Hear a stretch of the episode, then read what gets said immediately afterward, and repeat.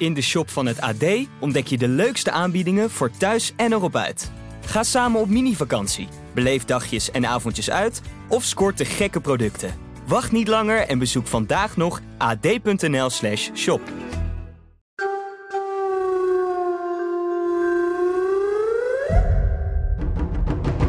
staan de VVD en de groep de Mos staan fucking alweer buiten de poort. Dat kan toch niet? Maar toen ging het hier helemaal mis op het stadhuis.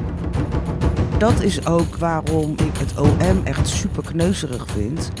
Ze gaan er echt voor.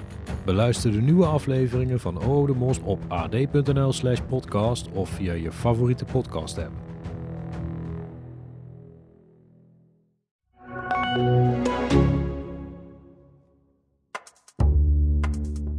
Rian van Rijbroek is een cyberexpert. Een leuke, een intelligente vriendin van Gerard Sanderink. Gerard poft er maar mee. En andersom. Goh, dat is eens een heel nieuw geluid. Ze hebben het echt onterecht keihard voor de kiezer gekregen door valse beeldvorming. Onterecht meerdere miljoenen losgeld moeten betalen. Deze lovende tekst over Rian las ik afgelopen zomer op de website omrecht.nl. Een site die wordt gerund door een voormalige rijschoolhouder uit het achterhoekse dorpje Nede. Henry Kamps. Hij begint in mei 2022 ineens te schrijven over Rian en Gerard Sanderink. Elke dag verschijnen er weer nieuwe stukjes op zijn site. Rian is vooral goed in programmeren en heeft haar handen vol aan haar werk voor Sanderink Cybersecurity. En natuurlijk deugde volgens Kamps niks van Brigitte van Echten. Brigitte van Echten heeft de smaak te pakken. Moderne chantage loont kennelijk in ons land. En ook ik krijg er van langs. Voormalige Libelle-redactrice Angelique Kunst is een op geld beluste, ziekelijk geobsedeerde, zelfverklaarde onderzoekscharlatan. Ze is een schande voor het vak van journalist. Goh, die teksten komen me zo bekend voor. Ze doen me enorm denken aan de mailtjes van Rian van Rijbroek. Je luistert naar aflevering 7 van In de Ban van Rian. Een podcast van AD, Tubantia en de aangesloten regionale dagbladen. In de vorige aflevering vertelde ik je dat Rian een nieuw strijdtoneel heeft gevonden. Na de financiële wereld en de cybersecurity is ze nu de juridische wereld binnengestapt. Ze stuurt vanuit haar Veghelse villa, samen met Gerard Sanderink, een heel legertje aan advocaten aan. En die roepen in de rechtszaal de meest bizarre en ongeloofwaardige dingen. Want wat Rian het allerliefste wil, is gelijk. Ze wil erkenning. Ze wil dat er nou eindelijk eens iemand haar waarheid publiceert. Dat probeert ze te bereiken via de rechtspraak, maar ook op een andere manier.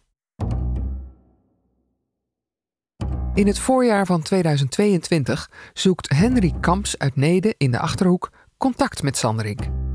Hij vraagt de multimiljonair om een donatie voor zijn website, omrecht.nl. Deze Henry Kamps is rijschoolhouder, maar hij beweert op die website dat hij ook onderzoeksjournalist is. Al snel na het eerste contact schrijft hij bijna dagelijks over de kwestie Sanderink. En hij komt tot de conclusie: Ik ben er na 15 dagen research van overtuigd dat Gerard Sanderink, net als zijn vriendin Rian van Rijbroek, uiteindelijk eerherstel krijgen. Tjonge, 15 hele dagen research. Maar dat eerherstel schiet natuurlijk niet op als Rian het moet hebben van deze obscure website die geen hond leest.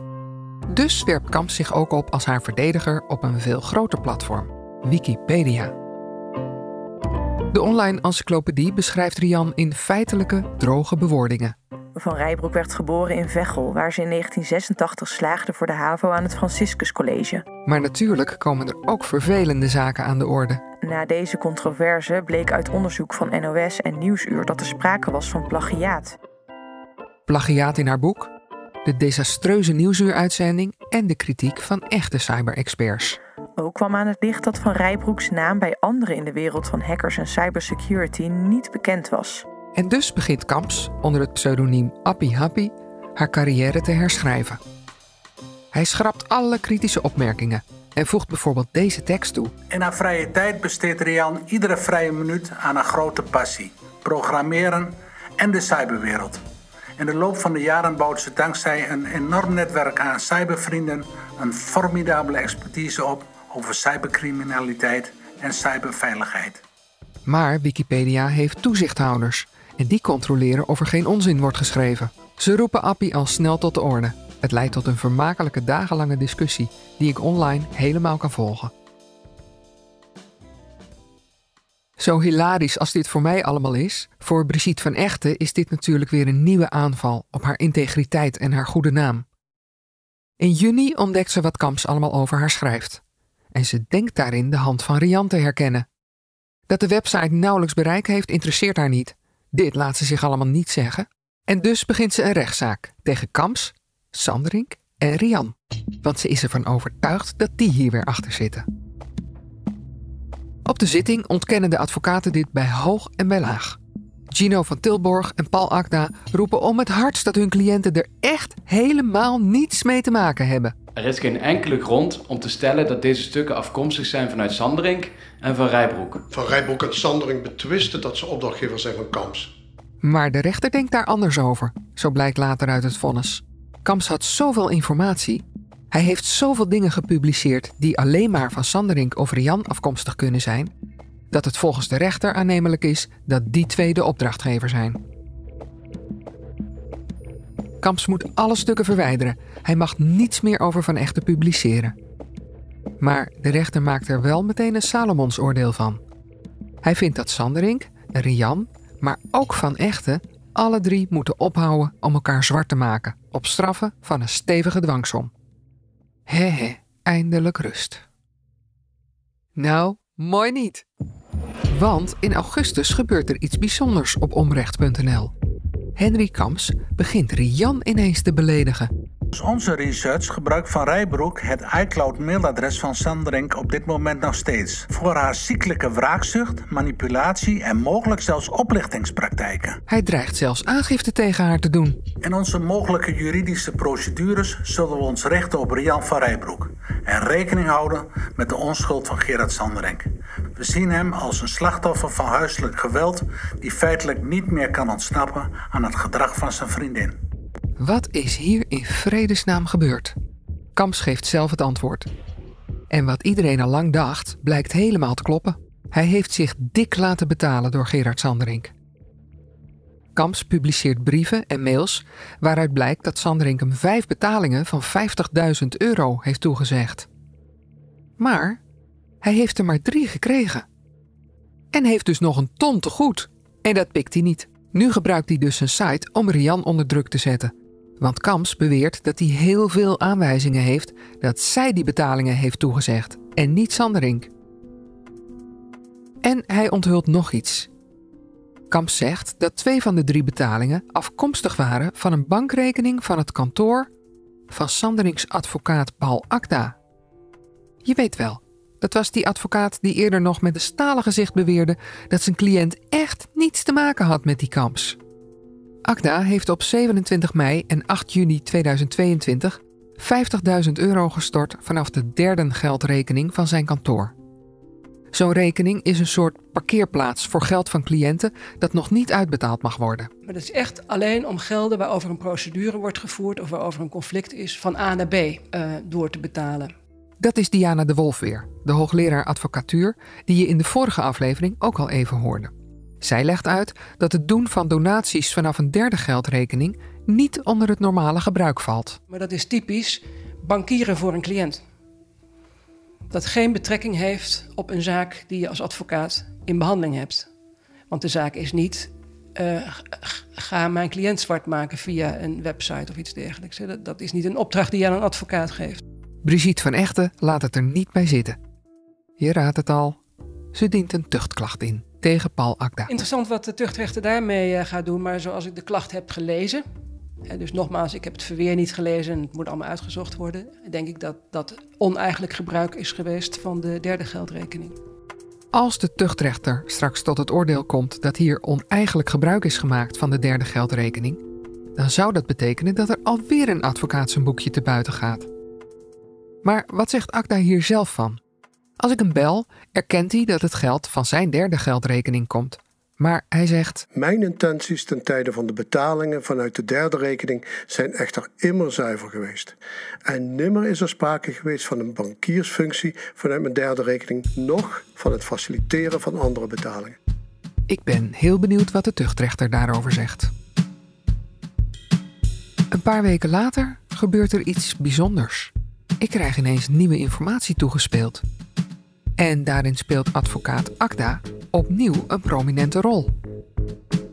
Ik krijg een dikke envelop met bankafschriften van Sanderings zonnepanelenbedrijf DSS.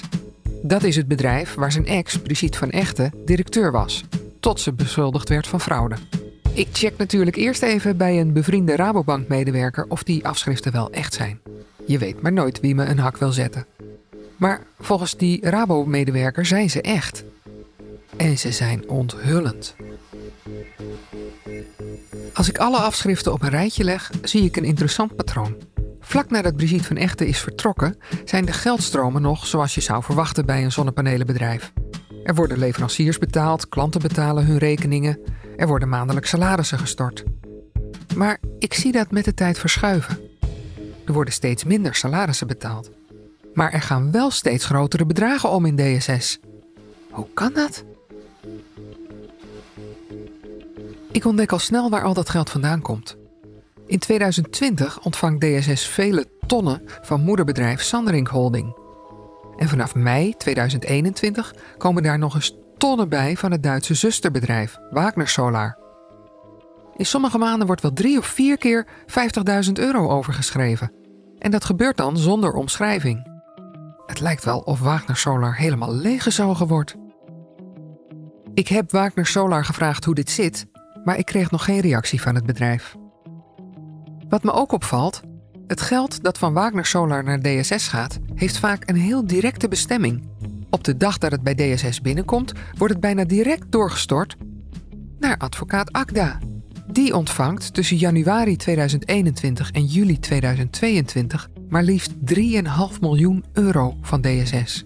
En waarvoor? Ja, dat is niet duidelijk, want van de 60 afschrijvingen hebben er maar 9 een omschrijving. En bij de rest staat helemaal niets of alleen voorschot. Als ik dieper graaf, zie ik dat er nog 13, ja, 13 andere advocatenkantoren uit DSS zijn betaald. Die kregen bij elkaar opgeteld 1,3 miljoen euro. Dus zeg maar een derde van wat Acta in zijn eentje ontving. En al die betalingen waren welkeurig voorzien van het declaratienummer. Ik vind het allemaal heel vreemd, dus ik bel Akda om te vragen hoe dat zit.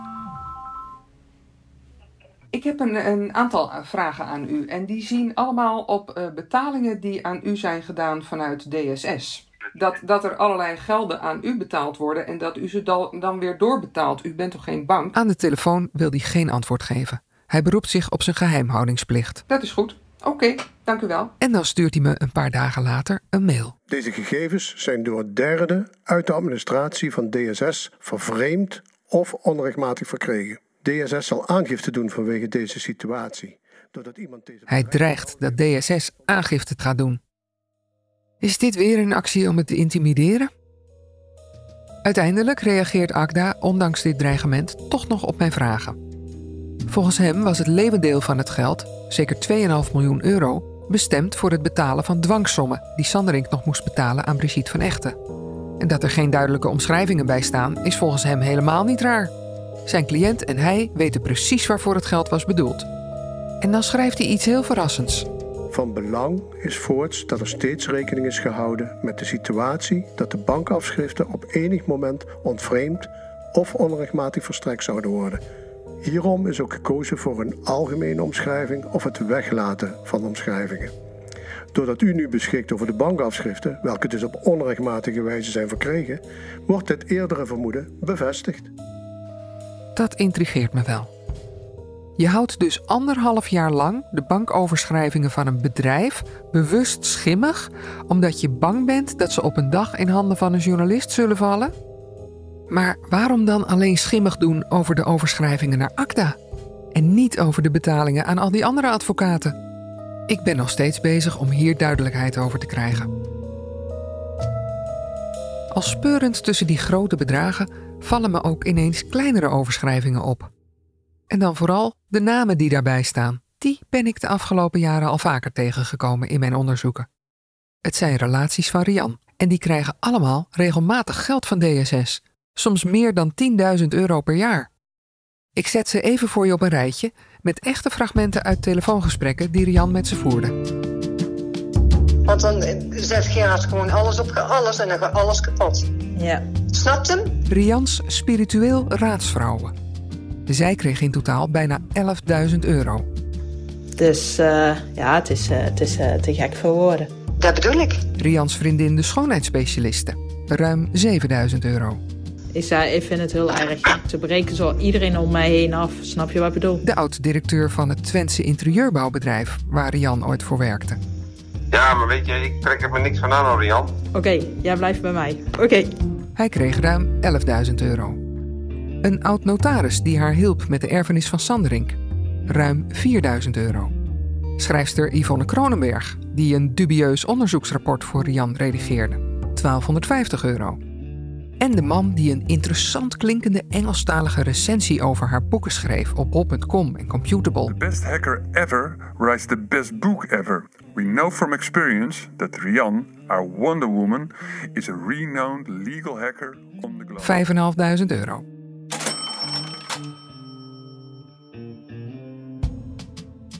Wat ik heel gek vind, deze mensen staan niet op de loonlijst van DSS.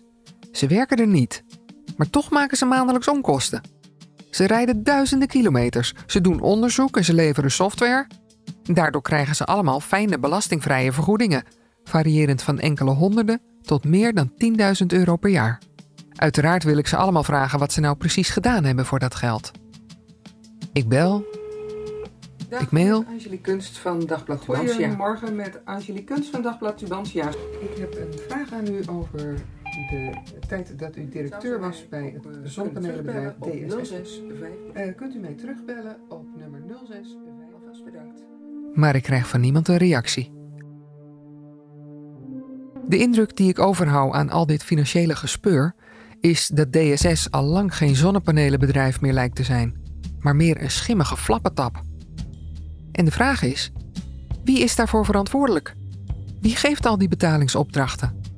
Ik zie aan de bankafschriften dat er de afgelopen jaren zeker vier mensen interim-directeur zijn geweest van DSS. Maar volgens het officiële handelsregister was er al die tijd maar één de baas: Gerard Sanderink.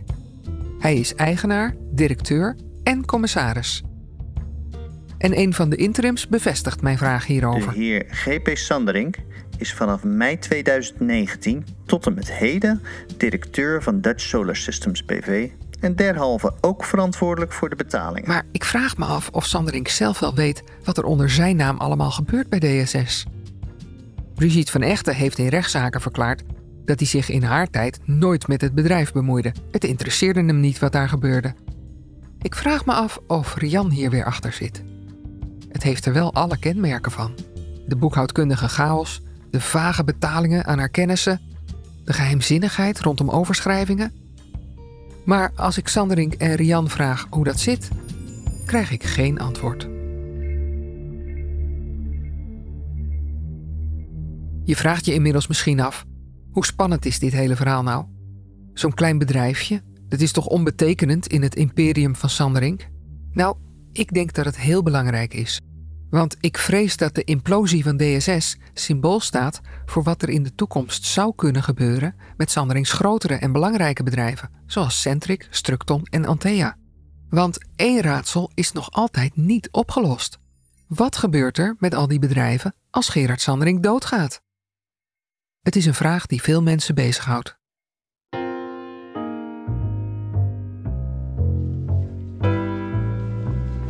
In de vorige aflevering hoorde je fragmenten uit de zitting bij de ondernemingskamer. Die ging beslissen of Gerard Sanderink nog wel aan het roer van zijn bedrijf Centric mocht staan. Centric-directeur Peter Maus vertelde daar over de grootste zorg die de klanten hebben. We mogen Maus' stem niet gebruiken, dus je hoort een acteur. Wat gebeurt er in godsnaam met Centric als de heer Sanderink zou komen te overlijden? Hoe is dat geregeld? Er is veel angst dat het in handen komt van iemand die Centric naar eigen hand kan zetten. Spreek het maar gewoon uit. De rechter zegt dat hij zijn vermoeden hardop moet uitspreken. Is het de angst dat het in de handen van mevrouw van Rijbroek komt? vraagt hij. Peter Maus. Um, van een erfgenaam, dat zou zij kunnen zijn? Ja, dat zou heel best kunnen. Sterker nog, ik denk vrij zeker te weten dat Rian zijn erfgename is. Oktober 2020. Sanderink moet grote dwangsommen betalen aan Brigitte van Echten. Dat vertikt hij. Dus wil Van Echten de aandelen van zijn bedrijven gedwongen laten verkopen. Sanderings advocaat in die tijd is Roeland de Mol. Je hoorde al over hem in de vorige aflevering. En die de Mol bedenkt samen met twee notarissen van zijn kantoor een list om die gedwongen verkoop uit te stellen. En hoewel ze weten dat het een dubieuze truc is, besluiten ze dat er een extra aandeelhouder moet komen. Want meerdere belanghebbenden betekent vertraging van de procedure. Ze leggen het plan voor aan Sanderink en er komt een instemmende reactie van zijn mailaccount. Ik weet niet of hij dat zelf schrijft of dat het weer Jan is. En de tekst is nogal warrig. Tja, de rechter zal erom lachen. Het gaat om uitstel en die hebben we dan. Nou, het lijkt er in elk geval op dat Sanderink instemt. Maar in de vervolgmails wordt opdracht gegeven om de aandelen te verkopen aan Rian. De notarissen schrikken zich kapot. Dat was niet de bedoeling. Ze moesten wel verkocht, maar niet aan Rian. De mol mailt. Overdracht aan Rian is geen serieuze optie, omdat dan alsnog bewijs wordt geleverd van de kwade verhalen dat Rian alles aan het overnemen is. Maar vanuit Sanderings mailaccount komt de reactie. Roeland, we staan boven de media. Ik bepaal, dus het wordt Eike en Rian. De mol probeert wanhopig om de transactie nog tegen te houden. Hij mailt terug. Als Rian certificaathouder wordt, komt zij meer op de voorgrond dan nodig. Met alle negatieve publiciteit van dien. Op van haar. Onze strategie is steeds geweest om Rian hier buiten te houden, ook in haar belang. Ik laat het aan jullie, maar ik zie de kop Sandering draagt deelbedrijf over aan Cybercharlatan in het FD en Tubantia al verschijnen. Dat is onnodig en in niemands belang. Maar ze kunnen het al niet meer tegenhouden. De betaling voor de aandelen wordt overgemaakt, Sandering geeft zijn toestemming en daar loopt mijn spoor dood. Sanderings advocaten beweren namelijk dat hij zich op het allerlaatste moment bedacht heeft en dat die overdracht van aandelen nooit heeft plaatsgevonden. Dus ik spits mijn oren als Centric-directeur Maus bij de ondernemingskamer zijn zorgen uitspreekt over de erfgenamen. Dit is het moment waarop Sandering de angsten van personeel en klanten kan wegnemen door duidelijkheid te verschaffen. Maar hij doet het niet. Hij en Rian kijken strak voor zich uit. En dat spreekt voor mij boekdelen.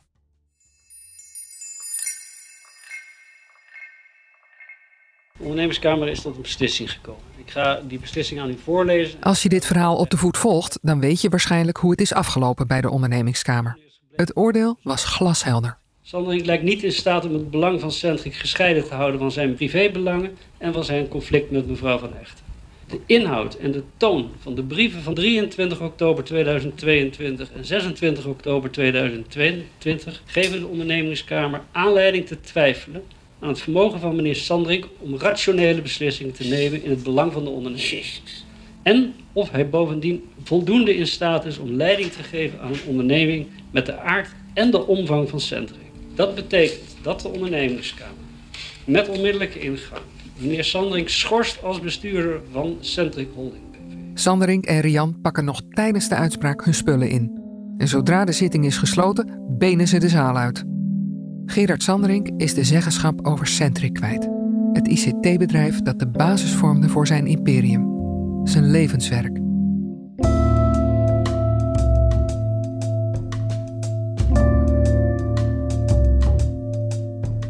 Tien dagen later volgt er nog een enorme dreun. Weet je nog uit de vorige aflevering? Die rechtszaak in Den Bosch waar Sandering het woord voerde namens Rian? Ik had in die auto kunnen zitten en ik had wel dood kunnen zijn. Als ik even mag uitpraten. Ja, ja. Die ging over de data in de computers en telefoons van Rian. En op 15 november besluit de rechter dat Brigitte van Echten die mag inzien. Dit betekent dus dat mogelijk duizenden mails en andere bestanden van Rian gebruikt gaan worden in rechtszaken en dus openbaar worden. Dat moet een nachtmerrie voor haar zijn.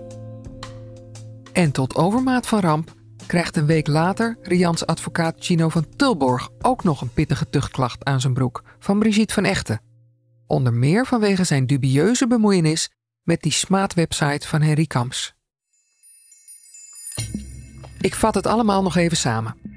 De juridische strijd, die begon toen Rian in Sanderings leven kwam, kostte alleen DSS al 5,5 miljoen aan advocaten en onderzoekers.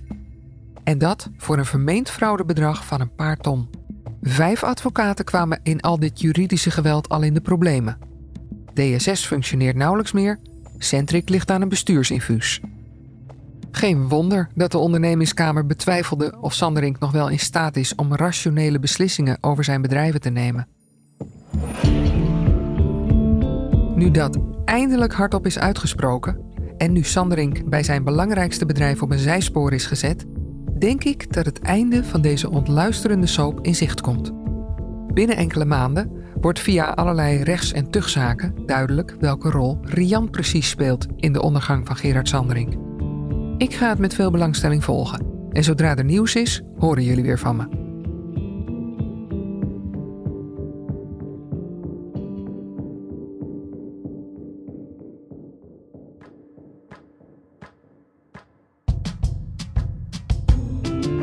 Je luisterde naar de zevende aflevering van In de Ban van Rian, een podcast van Dagblad Tubantia, het AD en de aangesloten regionale bladen. Goed om te weten, ik heb voor mijn boek, artikelen en deze podcast tientallen bronnen gesproken en honderden e-mails, appjes en andere documenten doorgespit. Voor deze podcast hebben we gebruik gemaakt van originele fragmenten van interviews met betrokkenen. E-mails en andere berichten hebben we laten voorlezen door stemacteurs. Niet alle bronnen wilden met hun eigen stem in de podcast. Ook in die gevallen hebben we gekozen voor stemacteurs. Uiteraard hebben we zowel Rian van Rijbroek als Gerard Sanderink de gelegenheid gegeven om te reageren. Helaas willen ze dat niet.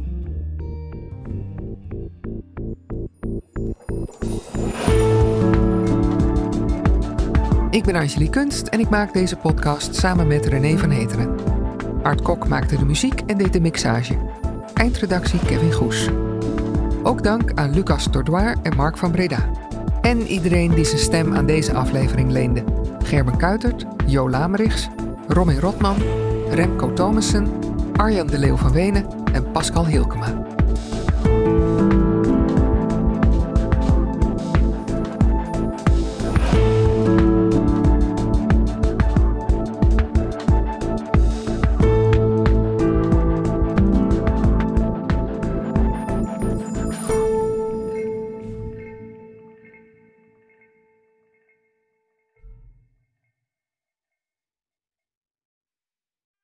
Politie is woensdagmorgen opnieuw binnengevallen bij camping, camping Fort Fort Oranje. Oranje tussen Breda en Rijsbergen. Op camping Fort Oranje, tussen Rijsbergen en Breda, kwamen verschillende werelden samen. Er woonden zo'n 700 mensen. En bij de ingang stond een slagboom. Maar dat betekende niet dat het daar binnen veiliger was dan er buiten. Zo gaat de gemeente met mensen om! Hoe kon het in hemelsnaam zo ver komen? Dat was Kees Engels. Nou, en toen, nou, toen knapte er iets. Echt, ik ben ook op van de stress. Dit is De Erfenis van Engel. Te beluisteren via de sites van het AD, B en de Stem en de aangesloten regionale dagbladen. In de shop van het AD ontdek je de leukste aanbiedingen voor thuis en erop uit. Ga samen op mini-vakantie, beleef dagjes en avondjes uit of scoort de gekke producten. Wacht niet langer en bezoek vandaag nog ad.nl/shop.